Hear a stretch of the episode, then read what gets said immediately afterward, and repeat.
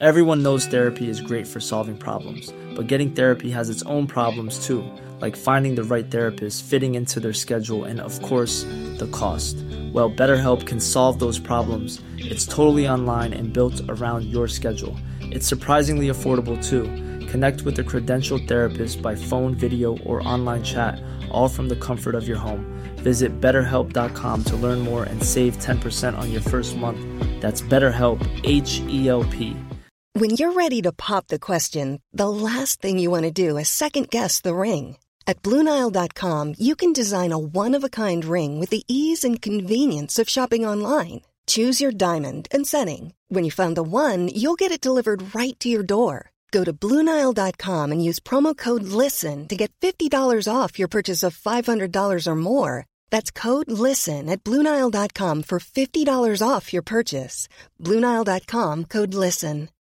Millions of people have lost weight with personalized plans from Noom, like Evan, who can't stand salads and still lost 50 pounds. Salads, generally, for most people, are the easy button, right? For me, that wasn't an option. I never really was a salad guy. That's just not who I am. But Noom worked for me. Get your personalized plan today at Noom.com. Real Noom user compensated to provide their story. In four weeks, the typical Noom user can expect to lose one to two pounds per week. Individual results may vary.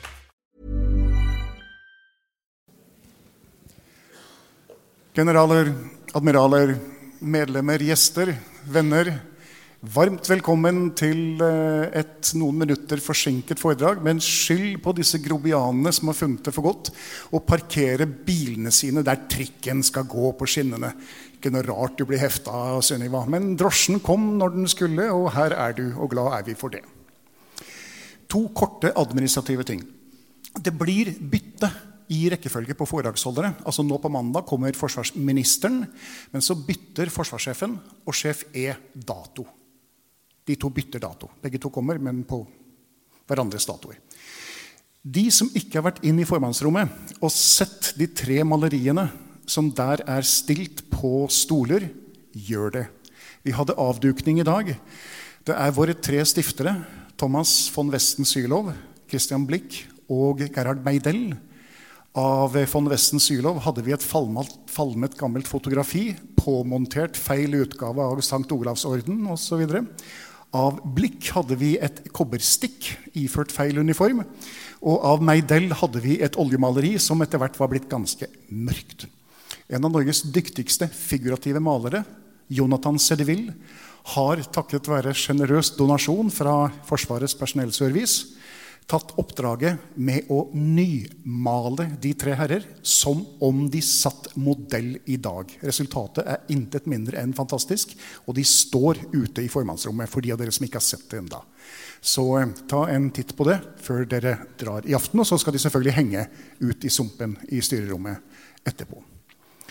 Jeg skal gjøre innledningen min veldig veldig kort, og kjernen i den er at et så stort land som India et så mektig land som India, et av verdens største land og så vidt jeg vet verdens mest folkerike, er det mange av oss som vet veldig lite om.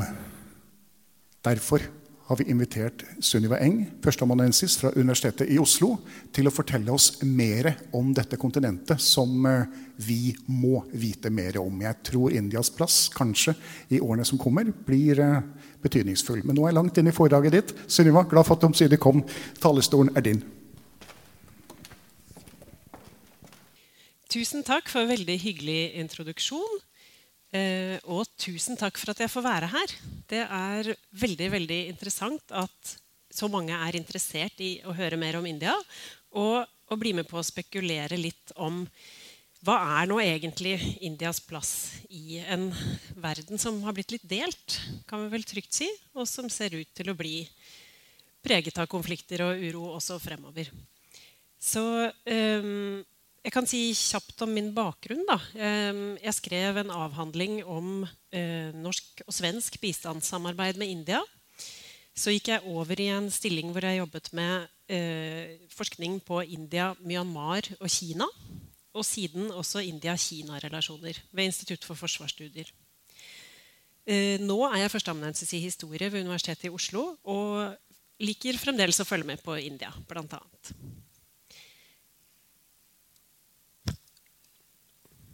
Nå gjelder det ikke å være rasende noe. Skal vi se. Forrige mandag, altså 22. januar, så ble dette flunkende nye tempelet innviet i byen Ayodhya i uh, Uttar Pradesh, nord i India. Det er et tempel til den hinduistiske guden Ram, som altså er helt sentral i hinduismen. Og dere kjenner kanskje navnet fra det episke gudediktet Ramayana. Um, hundretusener av pilegrimer hadde møtt opp for å få med seg dette. Og byen Ayodhya hadde blitt pusset opp for millioner av rupier, dekorert med blomster og plakater og flagg. Og her ser vi militærhelikoptre strø ut blomsterkronblader over tilskuerne. Så dette var storslagent. Eh, og den som sto for selve innvielsen, den religiøse innvielsen av dette tempelet, det var Indias statsminister Narendra Modi. Han hadde invitert inn 8000 spesielt eh, viktige politikere, byråkrater, embetsmenn, diplomater, cricketkjendiser og Bollywood-skuespillere. Og han hadde uttalt at Gud har gjort meg til et redskap for å representere hele folket i India. Og det var en ære å være til stede, for nå hadde generasjoner av indere ventet på dette tempelet. Han hadde forberedt seg med et elleve dager langt renselsesrituale med faste, bønn, meditasjon. Og nå var eh, innvielsen i gang. Så modig han sa January 22nd, 2024 is not just a date on the calendar. It marks the beginning of a new era. Så tempelet det var resultat av mange hundre års venting og tålmodighet. Og det skulle gi indre en ny selvtillit. Han sa også at nasjonen den har nå hevet seg over slaveriets mentalitet. Og nasjonen skaper nå en ny historie. En ny æra. Modi han fremhevet at tempelet det er ikke bare et hellig sted, men det er en manifestasjon av det han kaller Bharat, altså India. Han bruker ikke lenger det engelskklingende India, som symboliserer den gamle kolonimakten, men han har gått over til å kalle India nettopp Bharat. Så han sa det var ikke bare et hellig sted, men det var en manifestasjon av Barat. Og Barat sin visjon, filosofi, religion, fundament, nasjonal bevissthet og kanskje aller mest interessant dette Ram-tempelet det manifesterer også Barats grunnlov og Barats politikk. Og så spurte han det store tempelet er nå bygget. Og hva er det neste? Vår generasjon den er utvalgt som arkitekten for en tidløs vei. Tiden som kommer nå, det er tiden for suksess. Tiden som kommer nå, er tiden for gjennomføring. Tempelet vil være vitne til fremveksten av Barat og Barats morgen. Tempelet vil se Barats velstand og utviklingen av Barat. Og han sluttet med å si dette er Barats tid. Og Barat vil gå videre til stadig nye høyder av utvikling. Så jeg ble bedt om å snakke om hva er egentlig Indias plass i denne litt delte verden vår. Er det en regional stormakt, eller er det en global supermakt? Akkurat denne problem, problemstillingen tror jeg den er kanskje litt uventet for en del. Eh, for noen år tilbake siden så ville man nesten eh, hevet øyenbrynene litt. Og flere av oss som er her, vil jeg anta har vokst opp med India nesten som et, altså et mottaksland for bistand. Et av hovedsamarbeidslandene for Norge, f.eks. innen bistandsfeltet. Men det her begynner å bli lenge siden, og India har endra seg veldig raskt og veldig dramatisk. Som, ble, som, det ble nevnt helt først, India har jo faktisk verdens største befolkning nå. Så i fjor gikk India forbi Kina Eh, og man regner med at man har en befolkning på ca. 1,43 milliarder mennesker. Og For det andre så har Indias økonomi vokst veldig kraftig. Og i 2023 så ble den verdens femte største. Og for det tredje så har India hatt en ganske kraftig utvikling når man tenker på teknologi eh, og vitenskap. Og et annet kjent eksempel fra i fjor det kan kanskje være Indias månelanding. India ble verdens første land som eh, landet på månen månens sørpol med Chandrayan-ekspedisjonen. Så dette kan jo tyde på et India som er i endring. I ganske rask endring. Men hva er egentlig plassen til denne, dette landet? da? Er det en regional stormakt, eller kan det sies å være på vei til å bli en supermakt? Svaret mitt på det i hvert fall, det er at jeg mener at India er ikke noen global supermakt. Og det er kanskje en lang vei igjen til det eventuelt kan ta en sånn posisjon. Men jeg vil si at India er en regional stormakt som har sterke ambisjoner om videre vekst. Og det gjelder økonomisk, det gjelder militært, og det gjelder med tanke på innflytelse både i sin region, men egentlig også globalt. Uh, og det posisjonerer seg i forhold til andre store makter. Og det er også sånn Grunnen til at jeg begynner med Narendra Modi, det er nettopp at siden han overtok regjeringsmakten i 2014, så har India beveget seg i en stadig mer hindunasjonalistisk retning. Og dette det endrer India. Det endrer India i en betydning av at det er mindre rom for mangfold, og særlig meningsmangfold. Og Samtidig så har økonomisk vekst og fremskritt det har skapt ganske voksne ambisjoner. Og her kan jeg gi dere hovedpoenget mitt egentlig allerede i starten. Jeg tror at et mer hindunasjonalistisk India det gir oss et mer selvhevdende India. Og det gir oss gradvis et India som oppfører seg litt annerledes i det internasjonale systemet av stater enn det India har hatt i etterkrigstiden. Og det kan kanskje være et uttrykk for at India, som har ønsker og ambisjoner om å innta en større rolle en gang i fremtiden. Men om de faktisk klarer det, det er jo en annen sak. Så jeg tenkte å se på tre ting her i dag. Og det, De tre tingene mener jeg fremhever hvordan da, et mer hindunasjonalistisk og mer selvhevdende India viser seg. Jeg mener at Det viser seg i hvordan India har utviklet seg under Modis periode. Og for det andre viser det seg i hvordan India agerer, eller kanskje heller navigerer, i internasjonale politiske forhold, sånn som Ukraina-krigen. Og for det tredje så tror jeg vi også ser det eh, i Indias relasjon til nabolandene, og kanskje særlig Kina. Og dette igjen tenker jeg kan si oss noe om hva er det India ønsker å være i dagens internasjonale scene. Da? Eller hvilken rolle skal det spille på den internasjonale scenen? Aller først tenkte jeg å ta et kjapt blikk tilbake i, i tid og se hva India tidligere har stått for. For å kunne se hva det er som forandrer seg nå. Skal vi se.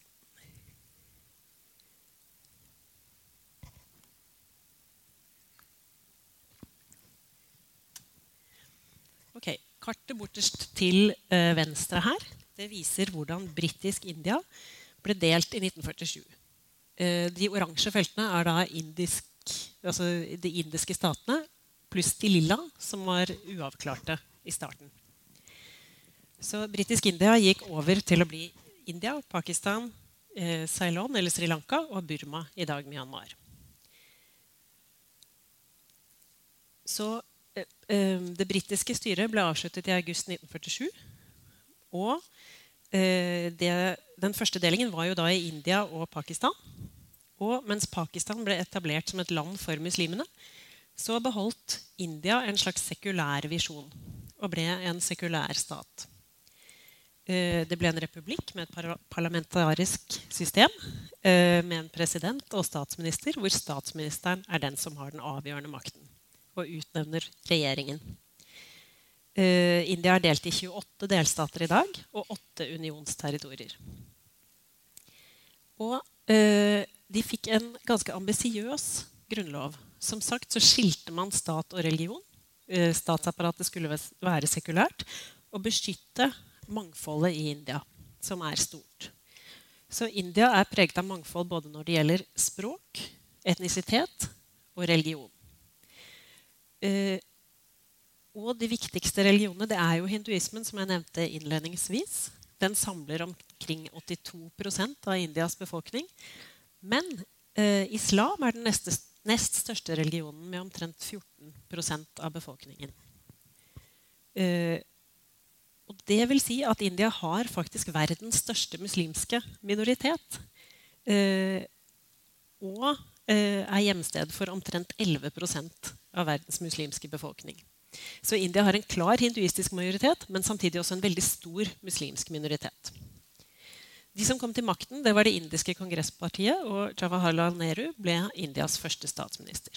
Hvis vi ser litt på hvordan hans politikk satte seg, så ble det noen hovedretninger som har blitt stående da, som store, viktige linjer i indisk politikk fram til ca. 70-tallet. Så i den kalde krigen valgte han en uavhengig linje og prøvde å profilere seg som en leder for det som ble kalt den ikke-allierte bevegelsen. The Non-Aligned Movement. Uh, og han har også vært en som har stått for å forsøke å lede landene i sør. Um, Nehru sto også for eh, å forsøke å ha en nær og vennskapelig tone med naboland som Kina og Burma på 50-tallet. Uh, men det kom til krig med Kina i 1962. Og motsetningen til Pakistan var der fra opprettelsen, fra etableringen av de to landene. Uh, og uenigheter førte til krig i 65 og 71, og som dere kjenner til senere også. Den steinen jeg har med nede her, det er en, et monument over uh, en tidlig avtale mellom nettopp Kina, Burma og India, Panchila-avtalen, som skulle sørge for fredelig sameksistens i 1954. Den tok jo brått slutt i 1962, da det ble krig og uenighet. På det hjemlige området så eh, ble India etter hvert ganske inspirert av Sovjet eh, og sovjetiske utviklingsmodeller. og Man gikk for en ordning med femårsplaner, styring av økonomien, en slags planøkonomi, og en planleggingskommisjon som fikk en eh, sentral rolle i å utvikle India. Man gikk for storstilt storskala industrialisering og etter hvert også en grønn revolusjon med eh, en industrialisering av jordbruket. Dette var også politiske linjer som ble overtatt eh, av Indira Gandhi, altså Nerus datter, som ble statsminister etter eh, at Nehru døde i 1964.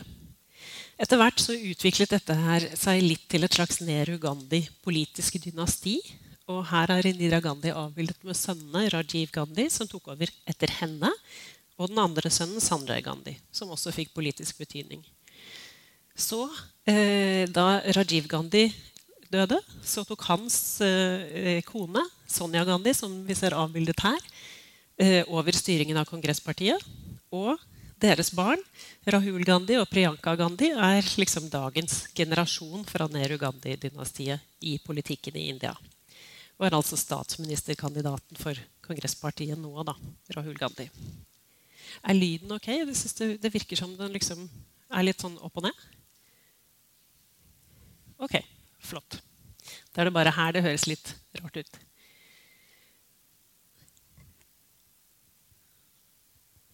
Ok, men dette, um, dette, var i hvert fall sentrale politikere fram til omtrent slutten av 80-tallet. Og på 90-tallet begynner indisk politikk å endre seg.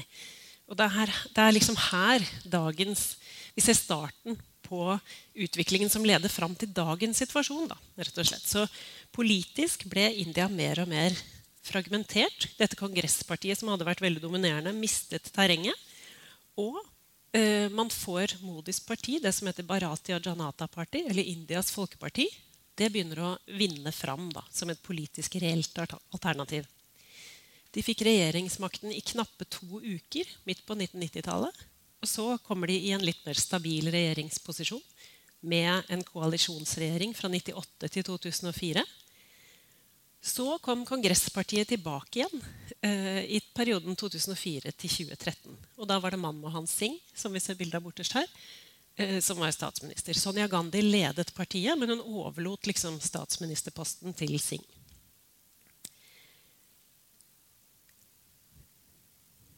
Og Samtidig med dette, og på en måte parallelt med denne politiske fragmenteringen, så får man en økt oppslutning av en skal vi kalle det filosofi, religion og ideologi som kalles hindunasjonalisme, eller hindutva i, eh, på hindi.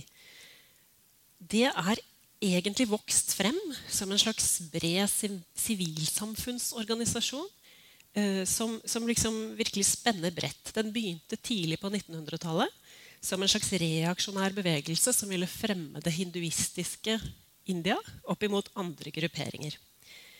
Eh, de omfatter rett og slett ungdomsbevegelser, fagbevegelser, skoler, eh, bondelag, kvinneorganisasjoner og har sin egen paramilitære gruppering, som vi ser avbildet her.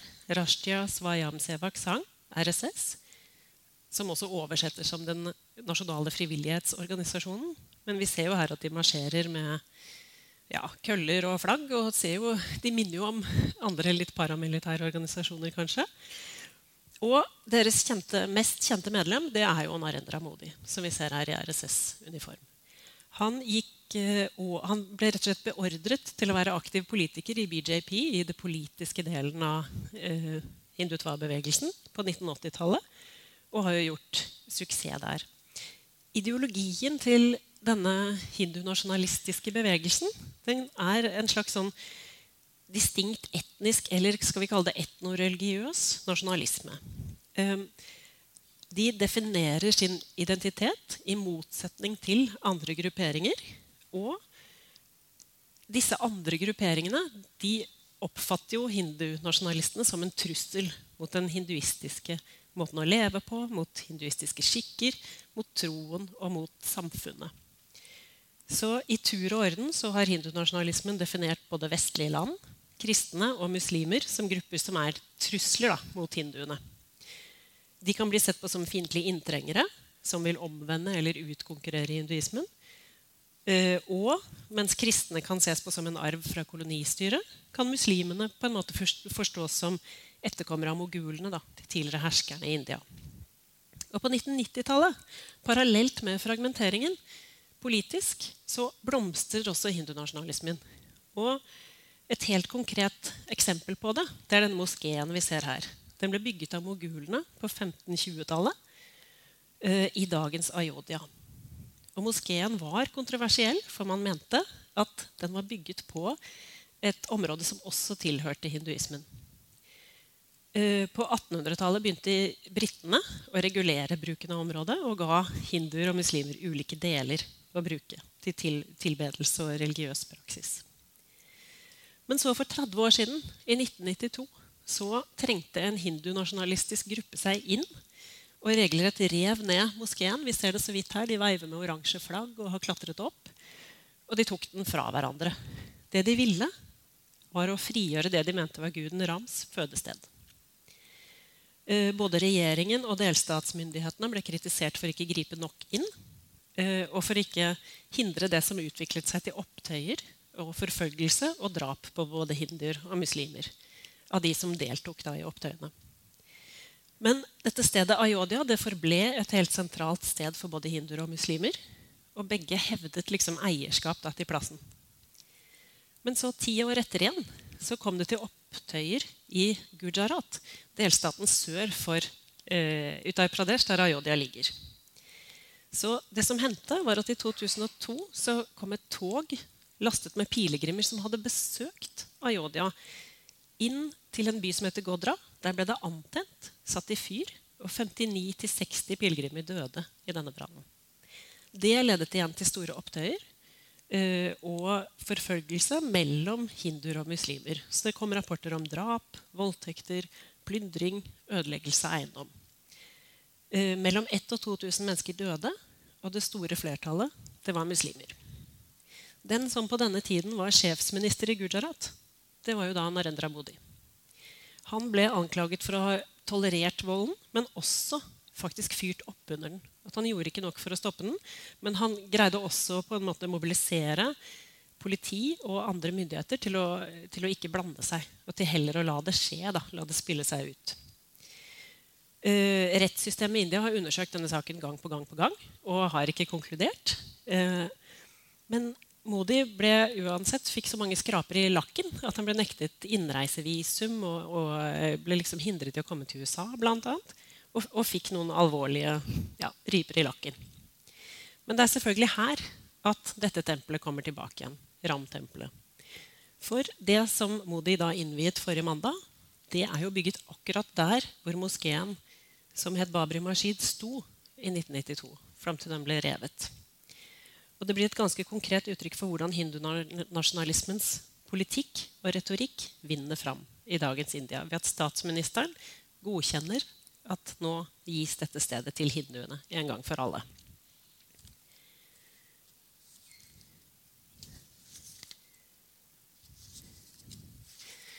Skal vi se. Så i 2014 så kom jo Modi til regjeringsmakt.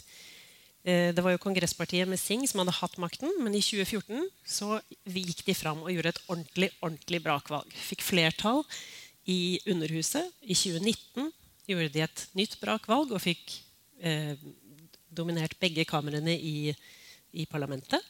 Og India skal igjen gå til valg nå i 2024, i løpet av våren. Og det forventes at de vinner igjen. Altså Modi og BJP det man kan si, da, de ti årene som har gått, det er en periode hvor man har en økende hindunasjonalisme i India. Eh, samtidig som man satser stort på økonomisk utvikling, militærutvikling og forsvarsoppbygging. Hindunasjonalismen begynner å utfordre den indiske statens grunnidé om å være pluralistisk, inkluderende, tolerant og demokratisk. Å skille mellom stat og religion og like rettigheter for alle religiøse og etniske grupper, det ser ut til å bare gradvis brytes mer og mer ned. Eh, Hindunasjonalistene har jo nå eh, ikke bare makten nasjonalt, men de har også flertall i 12 av Indias 28 delstater. De sitter også i fire koalisjonsregjeringer i fire andre delstater. Og Kongresspartiet, som er den andre store politiske kraften i India, har kun fire delstatsregjeringer. Så de er virkelig utkonkurrert. Og det som er interessant, er at dette er en bevegelse som startet som en sivilsamfunnsbevegelse. Altså det startet som en bred folkelig bevegelse. Så ble det en politisk bevegelse. Og nå mener eh, enkelte forskere at de også begynner å prege lovgivningen i India. Så eh, To norske forskere, Kenneth Boe Nilsen og Alf Gunvald Nilsen, har sett på regulering av forhold mellom mennesker i ulike religiøse grupper mener at det påvirkes på delstatsnivå. De mener at man gjør det vanskeligere å gjøre religiøse omvendelser. Og de har også sett på begrensning av befolkningsvekst i muslimske grupperinger. Og at statene griper mer og mer inn da, for å realisere den hinduistiske eh, eller hindunasjonalistiske staten. Og det hinduistiske flertallets mening.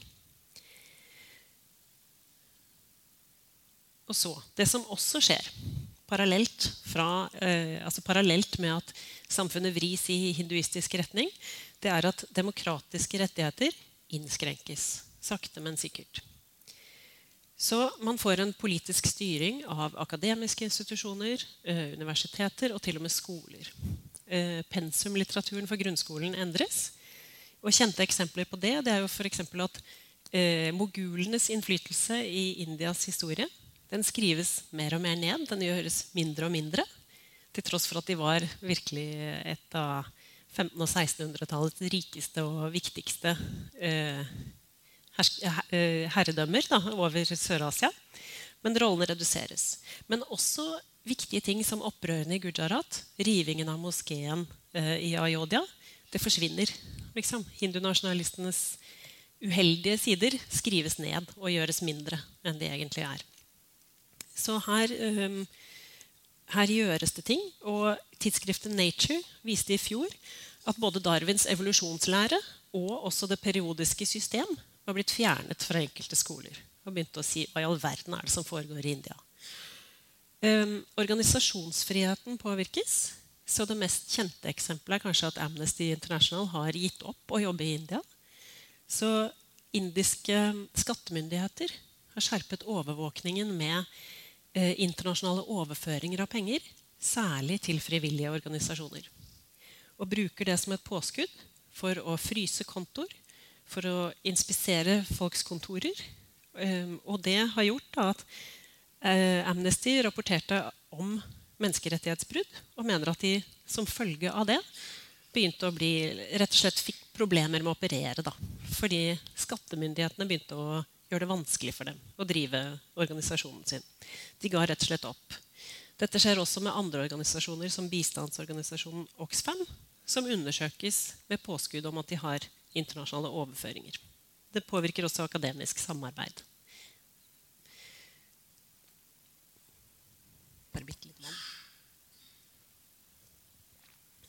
Det mest kjente eksempelet er kanskje hvordan pressefriheten og mediefriheten i India påvirkes Bildet jeg har tatt med her, det er av en BBC-dokumentar som ble sluppet i januar i fjor. India, The Modi Question, den undersøker eh, Modi sin rolle i Gujarat-opprørene i 2002. Og selv om den kanskje ikke hadde med så veldig mye ny informasjon Det eneste som kanskje skilte seg ut, var at en britisk myndighetsrapport eh, sa noe om at dette lignet litt på etnisk rensning. Og den tidligere utenriksministeren Jack Straw nevnte at Modis rolle var problematisk. Men likevel, det som skjedde da, eh, var at dette ville ikke indiske myndigheter ha på nett. Så de fjernet koblinger til eh, dokumentaren fra Twitter, fra YouTube, og gjorde alt de kunne for å gjøre den ulovlig i India. Pussig nok så var Twitter og YouTube faktisk veldig eh, velvillige til å fjerne lenkene, og protesterte ikke ved det. Så det ble rett og slett eh, vanskelig å vise den. Det her ble, skapte jo oppstuss i eh, studentkretser. Så studentforeninger over hele India forsøkte å vise denne dokumentaren. Her ser vi hva som skjedde på et av Indias største universiteter, Jawaharlal Nehru-universitetet i Delhi. Der hadde Studentunionen annonsert en visning av denne kritiske dokumentaren og ble først anmodet av universitetsledelsen om kan dere ikke droppe dette. Det kan skape litt dårlig liksom uro, litt dårlig stemning. Vi vil helst ikke ha denne her. Det ville jo ikke de høre noe av, og fortsatte med det. Det som skjedde, var at strømmen ble skrudd av. Wifi ble skrudd av. Det ble ikke mulig. Og det de gjorde da, var å se på det på laptoper eller strømme på mobil, på mobilnettet. Eh, og så en periode etter dette igjen så ble BBC sine kontorer både i New Delhi og i Mumbai det ble raidet, også av indiske skattemyndigheter. Laptoper ble beslaglagt. Eh, ansattes mobiltelefoner ble beslaglagt. Eh, senere sikkert returnert, men da vil jo noen ha sjekket hva som har foregått på disse. Uh, og dette ble gjort da under påskudd også over dette med internasjonale overføringer, at man skulle sjekke hva de gjorde for å passe på indiske skatteregler osv. Og, og BBC protesterte selvfølgelig. Uh, Modi-regjeringen mente at BBC opererte med et kolonialt tankesett, og at de hadde vist en skjev fremstilling med denne Moody Question-dokumentaren. Så Reportere uten grenser, organisasjonen som overvåker pressefrihet, har rapportert at India har falt fra en 140. plass på listen over land hvor det er vanskelig å operere, hvor det er altså lite pressefrihet. Så de har falt fra 140. plass i 2014 til 161. plass i 2023. Det er tre plasser over Russland. Så her er det ting som skjer, som kanskje ikke er så veldig heldige for et land som ynder å kalle seg verdens største demokrati. Men vi skal videre. Vi skal se på økonomisk utvikling under Modi. Og det er et felt som har noen mer positive nyheter. Så eh, Da Modi kom til makten, så arvet han noen store omstillingsprosesser fra Manmohan Singh sin periode. Eh, og de er kort fortalt at This Mother's Day, celebrate the extraordinary women in your life with a heartfelt gift from Blue Nile. Whether it's for your mom, a mother figure, or yourself as a mom, find that perfect piece to express your love and appreciation. Explore Blue Nile's exquisite pearls and mesmerizing gemstones that she's sure to love. Enjoy fast shipping options like guaranteed free shipping and returns. Make this Mother's Day unforgettable with a piece from Blue Nile. Right now, get up to 50% off at BlueNile.com. That's BlueNile.com. Everyone knows therapy is great for solving problems, but getting therapy has its own problems too like finding the right therapist, fitting into their schedule, and of course, the cost. Well, BetterHelp can solve those problems. It's totally online and built around your schedule.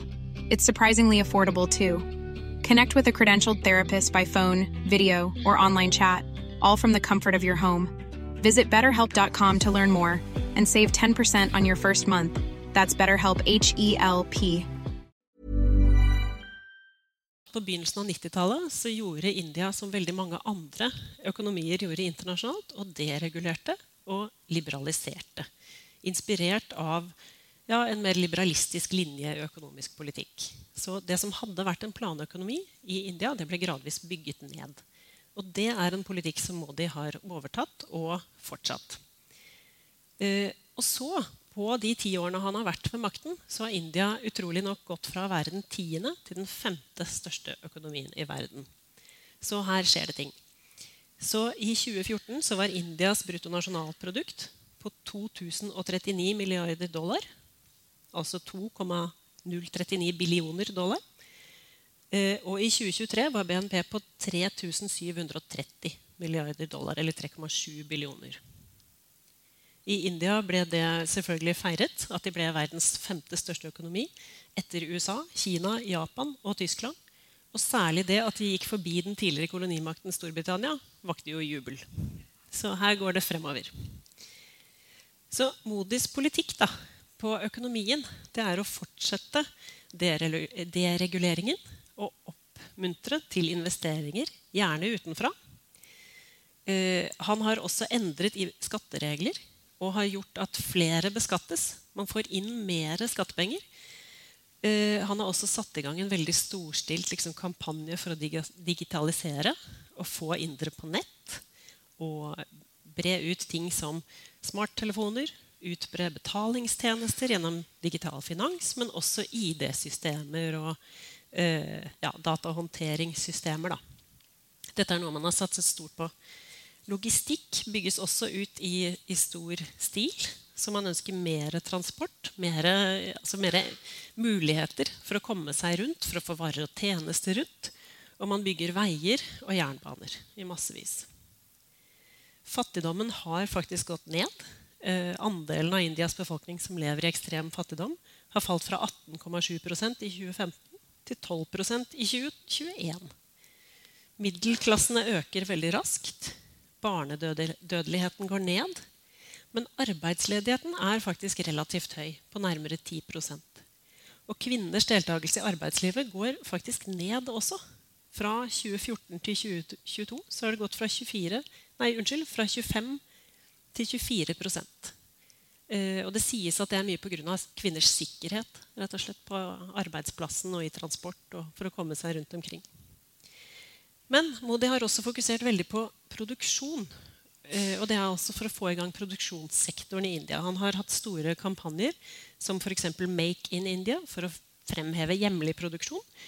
Og Startup India for oppstartsbedrifter. Og disse kampanjene har vært viktige for forsvarssektoren i India og for forsvarsindustrien og for moderniseringen av det indiske forsvaret. Jeg har tatt med tall her fra eh, noe som heter SIPRI, som er eh, Stockholm International Peace Research Institute, som har en veldig stor database og følger med på våpenhandel, eh, utgifter til forsvar og opprustning internasjonalt. Og jeg har tall her med fra 2014 og 2022 henholdsvis. Da. Så de røde, det, det røde bildet her er fra 2014, og det mer grønne er fra 2022 gulgrønne. For det indiske forsvaret det er blant de største militære styrkene i hele verden, med en stående her på som noe man tror er omtrent 1,32 millioner aktive soldater. Og en reservestyrke på 2,14 millioner. Og de markerer seg med å stå for en stadig større andel av verdens forsvarsutgifter. Eh, så her ser vi da at I 2014 så lå India på en sjetteplass med ca. 2,8% av verdens totale forsvarsutgifter. Og i 2022 så har India, klatret opp til en fjerdeplass eh, med 3,6% av utgiftene. Bak USA, Kina og Russland.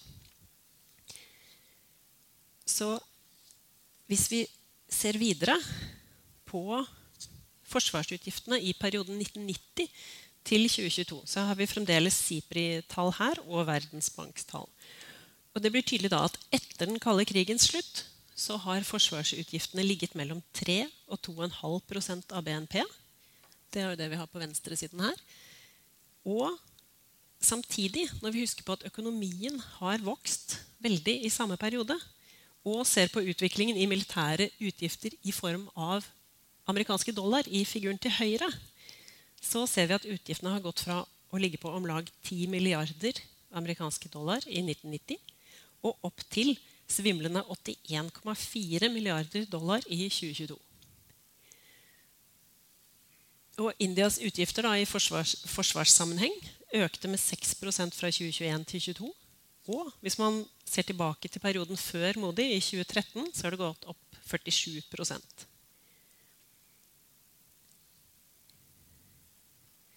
Skal vi se, Litt om Modis ambisjoner for India. Siden han kom til makten i 2014, så har Modi stått for en veldig proaktiv og egentlig ganske framoverlent utenrikspolitikk. Han engasjerte nabolandene allerede ved innsettelsesseremonien ved å invitere dem spesielt. Og han dro ut på en eh, veritabel rundreise for å besøke alle naboland. Han driver også et veldig aktivt eh, kulturelt diplomati. Fremhever ting som kulturell arv, eh, kulturelle interesser og religiøse fellestrekk eh, for å fremme identitet. Da. En liten periode så lurte analytikere på om dette ville bli et slags brudd med denne non-alignment-politikken. Og man begynte å diskutere er det en sånn non-alignment 2.0 som er i ferd med å utvikle seg her. Den diskusjonen ble egentlig lagt ganske død ganske fort. Fordi India har etter hvert utviklet ganske omfattende relasjoner med flere av stormaktene. Og Man skulle kanskje ikke tro at det gjaldt Kina, men det gjør faktisk også det. Og det gjelder USA, og det gjelder Russland. Her har jeg tatt med bilder av Modi som taler til folket ved Det røde fortet i Delhi 15.8.2023 for å markere Indias uavhengighetsdag. Så det var hans tiende tale. da. Og han sa India er nå ved et avgjørende vendepunkt, og vi har styrken til å forme den nye verdensorden. Så hva i all verden mener han med det? Vi skal se litt på India og Russland og India og Ukraina-konflikten for å få noen ideer om dette. Veldig bra. Får håpe jeg kan snakke meg til litt ekstra tid i lys av uh, forsentkomming. Forsentkomming lønner seg jo aldri, altså. Men uh, tusen takk. Ok, Så mange har lurt på hvorfor et land som jo uh, legger en viss stolthet i å kalle seg verdens største demokrati, ikke tar noe mer aktivt standpunkt når det gjelder Russlands angrep på Ukraina. Og det er jo pussig at både Putin selv og Lavrov flere ganger har rost India for å holde en uavhengig linje. Eh, og liksom fremhevet at de ønsker å fortsette et nært samarbeid. Man kan jo undre på, altså undres over hva er det India vil. Um, for allerede to dager etter invasjonen så begynte jo FN sitt arbeid med diverse resolusjoner for å fordømme russiske handlinger. Både i Sikkerhetsrådet og i generalforsamlingen. Og India har rett og slett bare avstått fra å stemme i alle saker. De vil ikke ha noe med det å gjøre og holder seg unna. Det jeg tror er at Dette er en slags sammensatt eh, balansegang, hvor India ser hen både til diplomatiske interesser, sine egne økonomiske interesser, og så har det sammenheng med en viss historisk arv og sikkerhets- og geopolitikk. Og faktisk kanskje også Indias egne ambisjoner. når det kommer til stykket. Så Hvis man ser på de historiske relasjonene, så var India og Sovjetunionen eh, allerede på 50-tallet ganske nære. Man besøkte hverandre i hverandres hovedsteder. Man eh, hadde, ja, hadde et dypere forhold ettersom Indias forhold til Kina og Pakistan ble mer vanskelig så søkte India seg mer mot Sovjetunionen. Det ble formalisert i en vennskapsavtale i 1971. Og selv om det ble litt kjøligere forhold på 80- og 90-tallet, så søkte man et såkalt strategisk, strategisk, partnerskap i 2000 og igjen i 2010. Så dette er et tett historisk forhold. da. Men disse landene er også hverandres internasjonale støttespiller i en rekke multilaterale fora. Så f.eks. innen rammen av FN. da så spiller de på hverandre. Uh, og I stemmegivning så kan vi se at de, bare, de støtter hverandre. F.eks. støttet uh, støttet Sovjetunionen India i Kashmir-spørsmålet i 1957, 1961 og i 1971. Og i Indias invasjon av Goa i 1961. Og i krigen med Pakistan i 1971. Og Til gjengjeld så avsto India fra å fordømme Sovjetunionens invasjon av Tsjekkoslovakia i 68, Afghanistan i 79. Og dette skjedde igjen på 2000-tallet. I 2001 og 2008 så gikk India imot fordømmelse av russisk maktbruk i Tsjetsjenia og Abkhasia. Og da generalforsamlingen i 2013 og 2016 kritiserte Syrias Assad-regime Ja, den, eh, den virker, den her òg, så jeg kan jo bare holde i den. Ok, Da blir jeg stående litt sånn og se litt ned og litt opp, men det, det tror jeg går bra. Ok, Jeg var inne i denne stemmegivningen. Eh, I 2014, da generalforsamlingen i FN skulle fordømme Russlands anneksjon av Krim, så avsto India igjen. Og i 2020 så stemte India imot en resolusjon fremmet av Ukraina som fordømte menneskerettighetsbrudd i Krim. Så eh, I tillegg til dette da, så viser jo India ofte og iherdig til den gamle linjen om non-alignment og uavhengighet. Eh, og det tenker jeg i praksis er jo en linje som er ganske uthulet. Men den er jo veldig fiffig å vise til når det passer seg. Så her har man et India som virkelig ikke vil velge noen side, og som vil stå på uavhengighet. Samtidig som de på en måte maner til fred og maner til å tone ned alle konflikter. For Russland er jo viktig for India på flere måter. Og det gjelder Ja. Det gjelder eh, Indias egne økonomiske og militære utvikling. Men Russland er også grei å ha når det gjelder geopolitisk motvekt da, mot Kina og Pakistan, og også som en avveining i forhold til USA av og til. Russland har vist seg å være fin å ha når det gjelder eh, å kjøpe olje, eh, i en situasjon hvor mange andre ikke gjør det. Og hvis vi ser videre på våpenteknologien, så er India den tredje største kjøperen av russiske våpen eh, og våpenteknologi. India handler stridsvogner, hangarskip, ubåter, jagerfly, helikoptre og luft- og missilforsvarssystem. Her ser vi eh, INS Vikramaditya, som er et ombygget Kiev-klasse hangarskip og lenge den indiske marinens flaggskip fra 2014. Men det som kanskje er flaggskipet nå, det er det supersoniske missilet Brahmos, som russisk og indisk våpenteknologi eller industri utvikler sammen. India har nå disse missilene i hær, sjø- og luftforsvar, samt som undervannsbasert plattform fra ubåter. Og dette samarbeidet fortsetter med Brahmos 2, et hypersonisk missil. Jeg prøvde å finne ut hva forskjellen egentlig var i forhold til Sirkon-missilet, og fant vel ut at det var hastighet, stort sett. Og våpenhandel det er nok en slags ranking hvor India kommer veldig høyt. India har faktisk vært verdens største våpenimportør helt fra 1993. Uh, eh, igjen i henhold til tall fra SIPRI-databasen. Så her har vi oversikten fra 2023, som viser at India har en andel på 11% av den totale våpenimporten i verden. Um, skal vi se Jeg skynder meg litt, så jeg ikke går inn i alle tall. Men hvem handler da India våpen av? Tidlig på 2000-tallet så kom over 80% av Indias våpenimport fra Russland. Og Russland er fremdeles den største leverandøren til eh, India når det gjelder våpen, både i femårsperiodene 2013 til 2017 og 18 til 22. Men andelen av den totale importen har sunket fra 64% til 45 Og dette trues av flere ting. Og det er både eh, Russlands egne produksjon til Ukraina-krigføringen, men det er også sterkere konkurranse fra andre leverandørstater. Så fra Frankrike så handler eh, India eh, kampfly og ubåter. Og de har gått opp med 489% fra 2013 til 2017 til 2018 til 2022-perioden. Så her har de virkelig eh, gått inn for å handle med Frankrike. Eh, India handler også med USA eh, og kjøper bl.a. missiler, torpedoer og en rekke helikoptre. Og Israel er også en stat som India handler mye med. Eh, missiler, droner, radarer og luftvern er blant tingene de handler der. Og India diversifiserer altså egentlig ganske bevisst og handler med flere.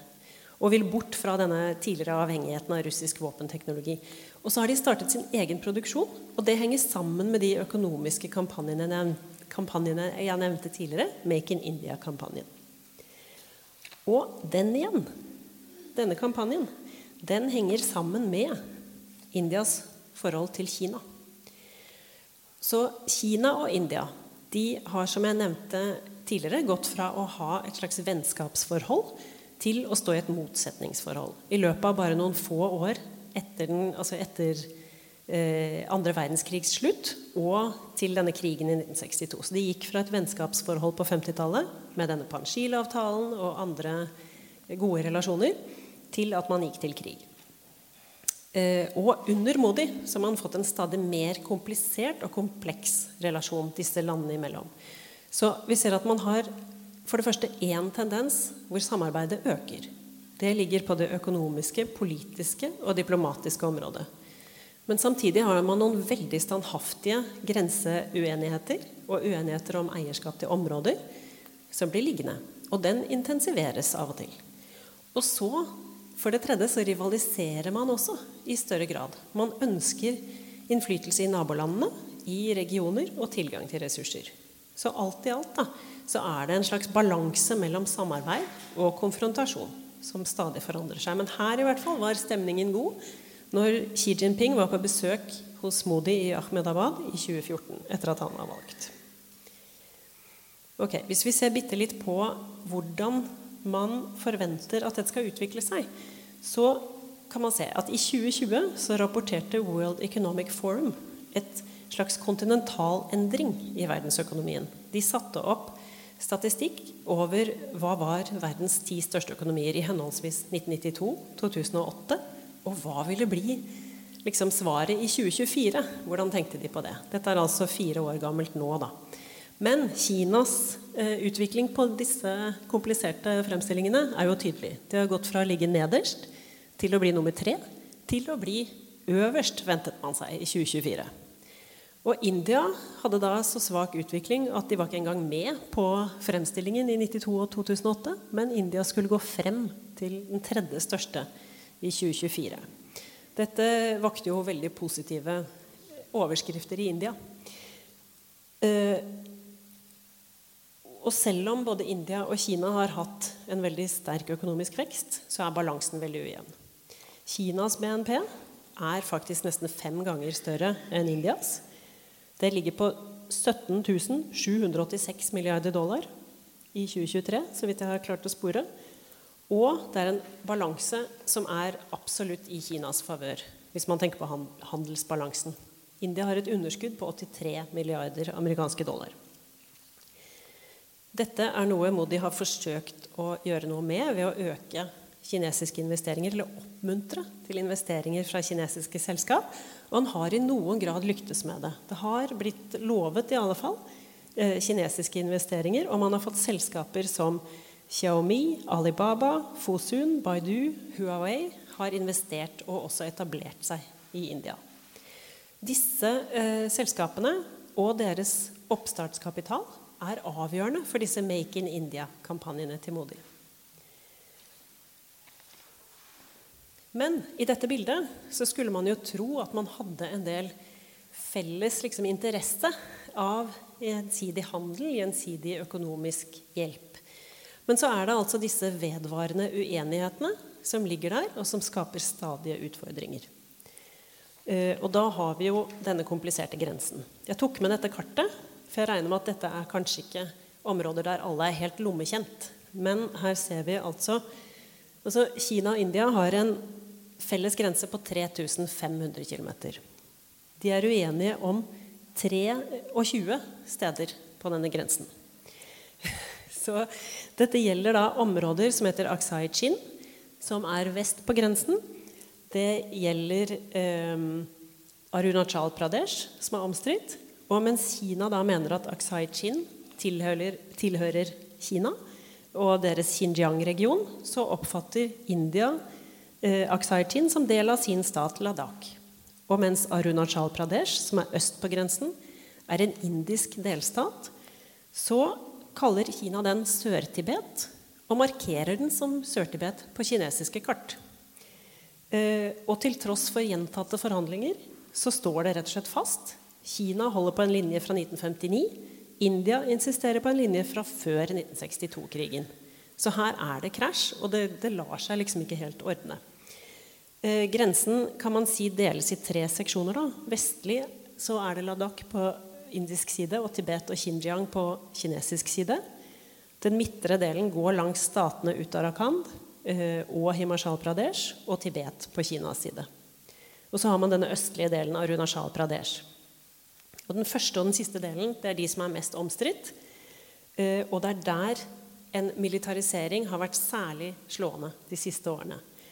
Og både Kina og India utvikler en veldig infrastruktur på hver sine områder og i de omstridte områdene. Og det er her det blusser opp. da. Så fra ca. 2000-tallet og utover har det blitt stadig mer. Eh, og det virker som om det er en tendens til stadig høyere konfliktnivå uten at det kommer til så veldig opplysning annet enn at det er lavnivåkonflikter som skjer hyppigere og hyppigere. Og det virker jo nesten surrealistisk å snakke om dette når man har ordentlige kriger som foregår. Og eh, det som blir konfrontasjoner, blir mer lavskala her. Men det er viktig å, å, å i hvert fall si at dette er en slags sånn flashpoint-sone, hvor det skjer ting. Eh, jeg skal kjapt gå gjennom, se litt sånn bort på organisator og håpe jeg får lov. Men øst på grensen så har vi som sagt Tibet og Arunachal Pradesh. Kina tok kontroll over Tibet på 50-tallet. Og da det kom til opprør i Tibet i 59, så flyktet jo Dalai Lama til India. Han har fått lov å være en æresgjest hos India, mens Kina kaller han en separatist. USA har også delvis blitt litt innblandet med at diplomater fra USA har deltatt på eh, festivaler i eh, Arunachal Pradesh, som vi ser på det nederste bildet, og Kina har protestert. Det som virkelig gjorde at India etter hvert endret litt holdning, det var et sammenstøt et sted som heter Doklam, som ligger på grensen mellom Bhutan, Kina og India. Eh, hvor altså, Dette er et område hvor eh, konfrontasjoner startes pga. veibygging. Så Kina bygget en vei. India mente denne veien er på feil sted. Og det kom til en slags sånn standoff. altså, ingen skudd ble sannsynligvis løsnet. Men man sto og pekte på hverandre med våpen i 72 dager pga. en vei. Så her, her, er det litt sånn sårt. Det er litt vanskelig. Eh, og etter dette så tonet Modi ned støtten til Dalai Lama. Ganske tydelig. Eh, samtidig så var denne konfrontasjonen i Doklam i 2017 det var et tegn på at India ville faktisk ikke gi seg. Så Kina bygget veien. India grep inn og stoppet veibygging fra Kinas side. De ble stående der og peke på hverandre. Eh, fra kinesisk side ble det sagt her må India India må være de som bakker ned. Men India ville absolutt ikke og ble stående. Og til slutt ga de seg begge parter. Så det er et tegn på at India tar en litt mer offensiv tone. Og vest på grensen, det er her det virkelig er full fart. For her har man områdene Gilgit-Baltistan, som Pakistan kontrollerer, og som er pakistansk Kashmir som India gjør hevd på. Så kontrollerer India Jammu og Kashmir og Ladakh, som både Kina og, og Pakistan unnskyld, holder hevd på. Og så har Kina delene Aksai Chin og Shakgam, som også India holder hevd på. Så her er det veldig komplisert. Uh, I uh, 2019, høsten 2019 så strammet Modi grepet om Jammu og Kashmir. Dere vet kanskje at det er muslimsk dominert, men ble del av India pga. Eh, maharajaen i eh, Jammu og Kashmirs valg. Han var hindu og valgte India. Så de hadde hatt et visst selvstyre. Det eh, opphevet Modi og delte Jammu og Kashmir i, nye, i to nye deler. Unnskyld. Så Jammu og Kashmir er et unionsterritorium, ikke en selvstendig stat. Ladakh har blitt et unionsterritorium, ikke en selvstendig stat. Ledere ble arrestert, det ble innført portforbud, nettet ble stengt, mobiltelefoni var umulig. Kashmir ble rett og slett isolert i flere måneder. Og så endret man bosettingspolitikken, så folk som ikke har bakgrunn i Kashmir, kan kjøpe seg i land i Kashmir og flytte dit. Så man kan endre sammensetningen av Kashmir. Dette ble verre da man igjen begynte å krige om veibygging og infrastrukturetablering. Et sted som heter Galvan. Så det kom til sammenstøt på de tre stedene markert på kartet. Og på indisk side døde 20 soldater. Og kinesisk side vet vi egentlig ikke. Men man gjetter et sted mellom 4 og 20, basert på ulike anslag. Eh, her ser vi snart et bilde fra sammenstøtet fra kinesisk TV. Så dette er det første åpne liksom, slaget som har stått da, mellom kinesiske og indiske soldater siden krigen i 1962. Det vi tror ligger bak, er bl.a. det nære Kina, altså kinesisk-pakistanske samarbeidet som har utviklet seg, som India følger veldig nøye med på. Eh, og særlig et økonomisk prosjekt som kalles China-Pakistan Economic Corridor, som er en del av Kinas utviklingspolitikk og pakistansk utviklingspolitikk. Det ruller gjennom Gilgit-Baltistan og er selvfølgelig da dypt problematisk for India, som holder hevd på Gilgit-Baltistan på sin egen side. Og det som ligger bak dette igjen, det er jo in, altså Kinas silkeveipolitikk, eller Belt and Road Initiative. Her har vi en fremstilling av den gamle og den nye Silkeveien. Og hvis vi tar med kartet Oi, unnskyld. Hvis vi ser på hvordan det ser ut fra Indias side, og tar med kartet om grenseområdene ja, Det er like greit å speede opp her. Så ser vi altså Hvordan ser dette ut fra Indias side? Jo, det skjærer jo rett igjennom de omstridte områdene. Og det skjærer jo rett igjennom den vanskelige grensen. Så her ligger det an til at India føler seg omringet eh, og er redd for at Kina skal spise seg inn på deres område. Og også da ved å spise seg inn på deres område og dominere og utvikle i deres nabolag, konkurrere om ressurser som India selv trenger for sin økonomiske utvikling.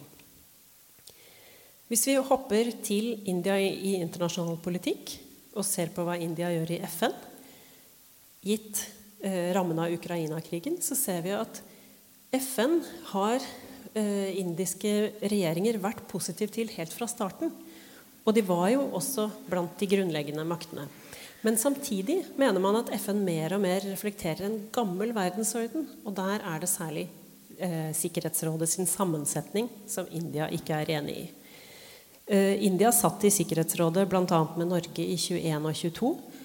Og det er åttende gangen India har hatt et av disse valgbare sikkerhetsrådssetene. Så det, man søker seg inn dit, men man er også med i en gruppering som jobber for en sikkerhetsrådsreform som India selv mener de bør ha en plass i. da.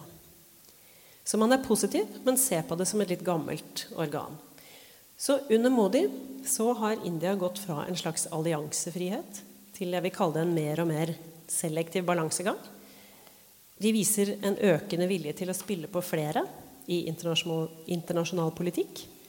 Og de samarbeider eh, helt åpent med USA innen forsvar og etterretning. Og dette spiller igjen inn på samarbeidet med den såkalte The Quad.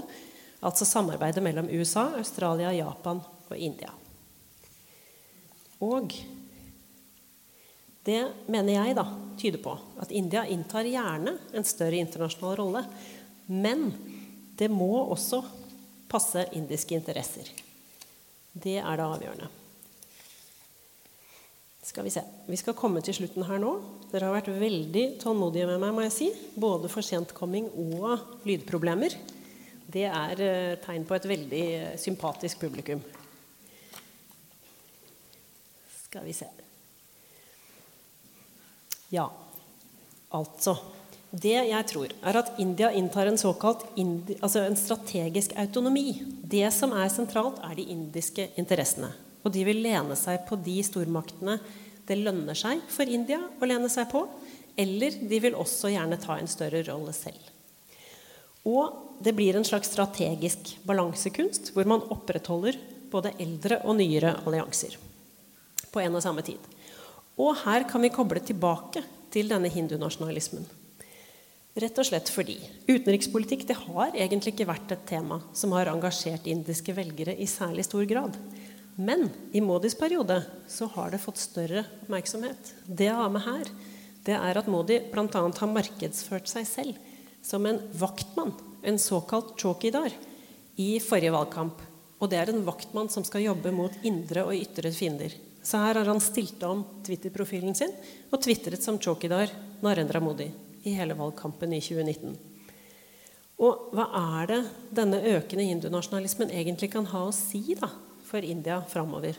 Jeg har jo sagt at jeg mener det driver fram et mer selvhevdende, et litt mer ambisiøst India. Og så må vi huske på at India har et grenseområde som er full av flashpoints, som vender nettopp mot land som ikke er hinduistiske. Og denne bevegelsen er også en bred folkelig bevegelse, altså velgere, som Modi skal tilfredsstille for å få deres stemme. Så for å gå tilbake til problemstillingen da, som jeg startet fra hva er egentlig Indias makt og plass i en delt verden? Er de en regional stormakt, eller er de en global supermakt? Jeg mener altså ikke at India er en global supermakt. Men det er en regional stormakt, og de tar mål av seg til å vokse videre. Og til å øke innflytelsen sin.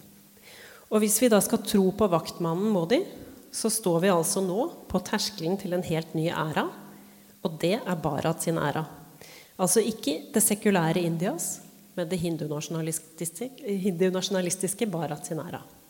Fordi, som Modi sa forrige mandag, this is Bharat's time. And Bharat is now going to move forward. After centuries of anticipation, we have reached this point in time. We've all waited for this era, and now we will not stop we will continue to rise to the heights of development. Så tusen takk for meg.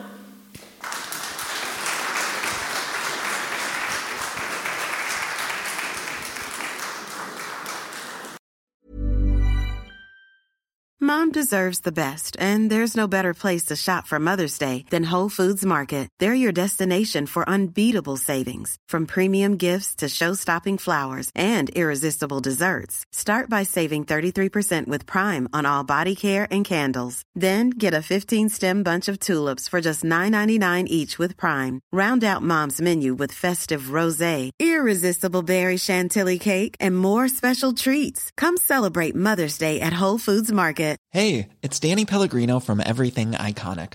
Ready to upgrade your style game without blowing your budget? Check out Quince. They've got all the good stuff shirts and polos, activewear, and fine leather goods, all at 50 to 80% less than other high end brands. And the best part? They're all about safe, ethical, and responsible manufacturing. Get that luxury vibe without the luxury price tag. Hit up quince.com slash upgrade for free shipping and 365 day returns on your next order. That's quince.com slash upgrade.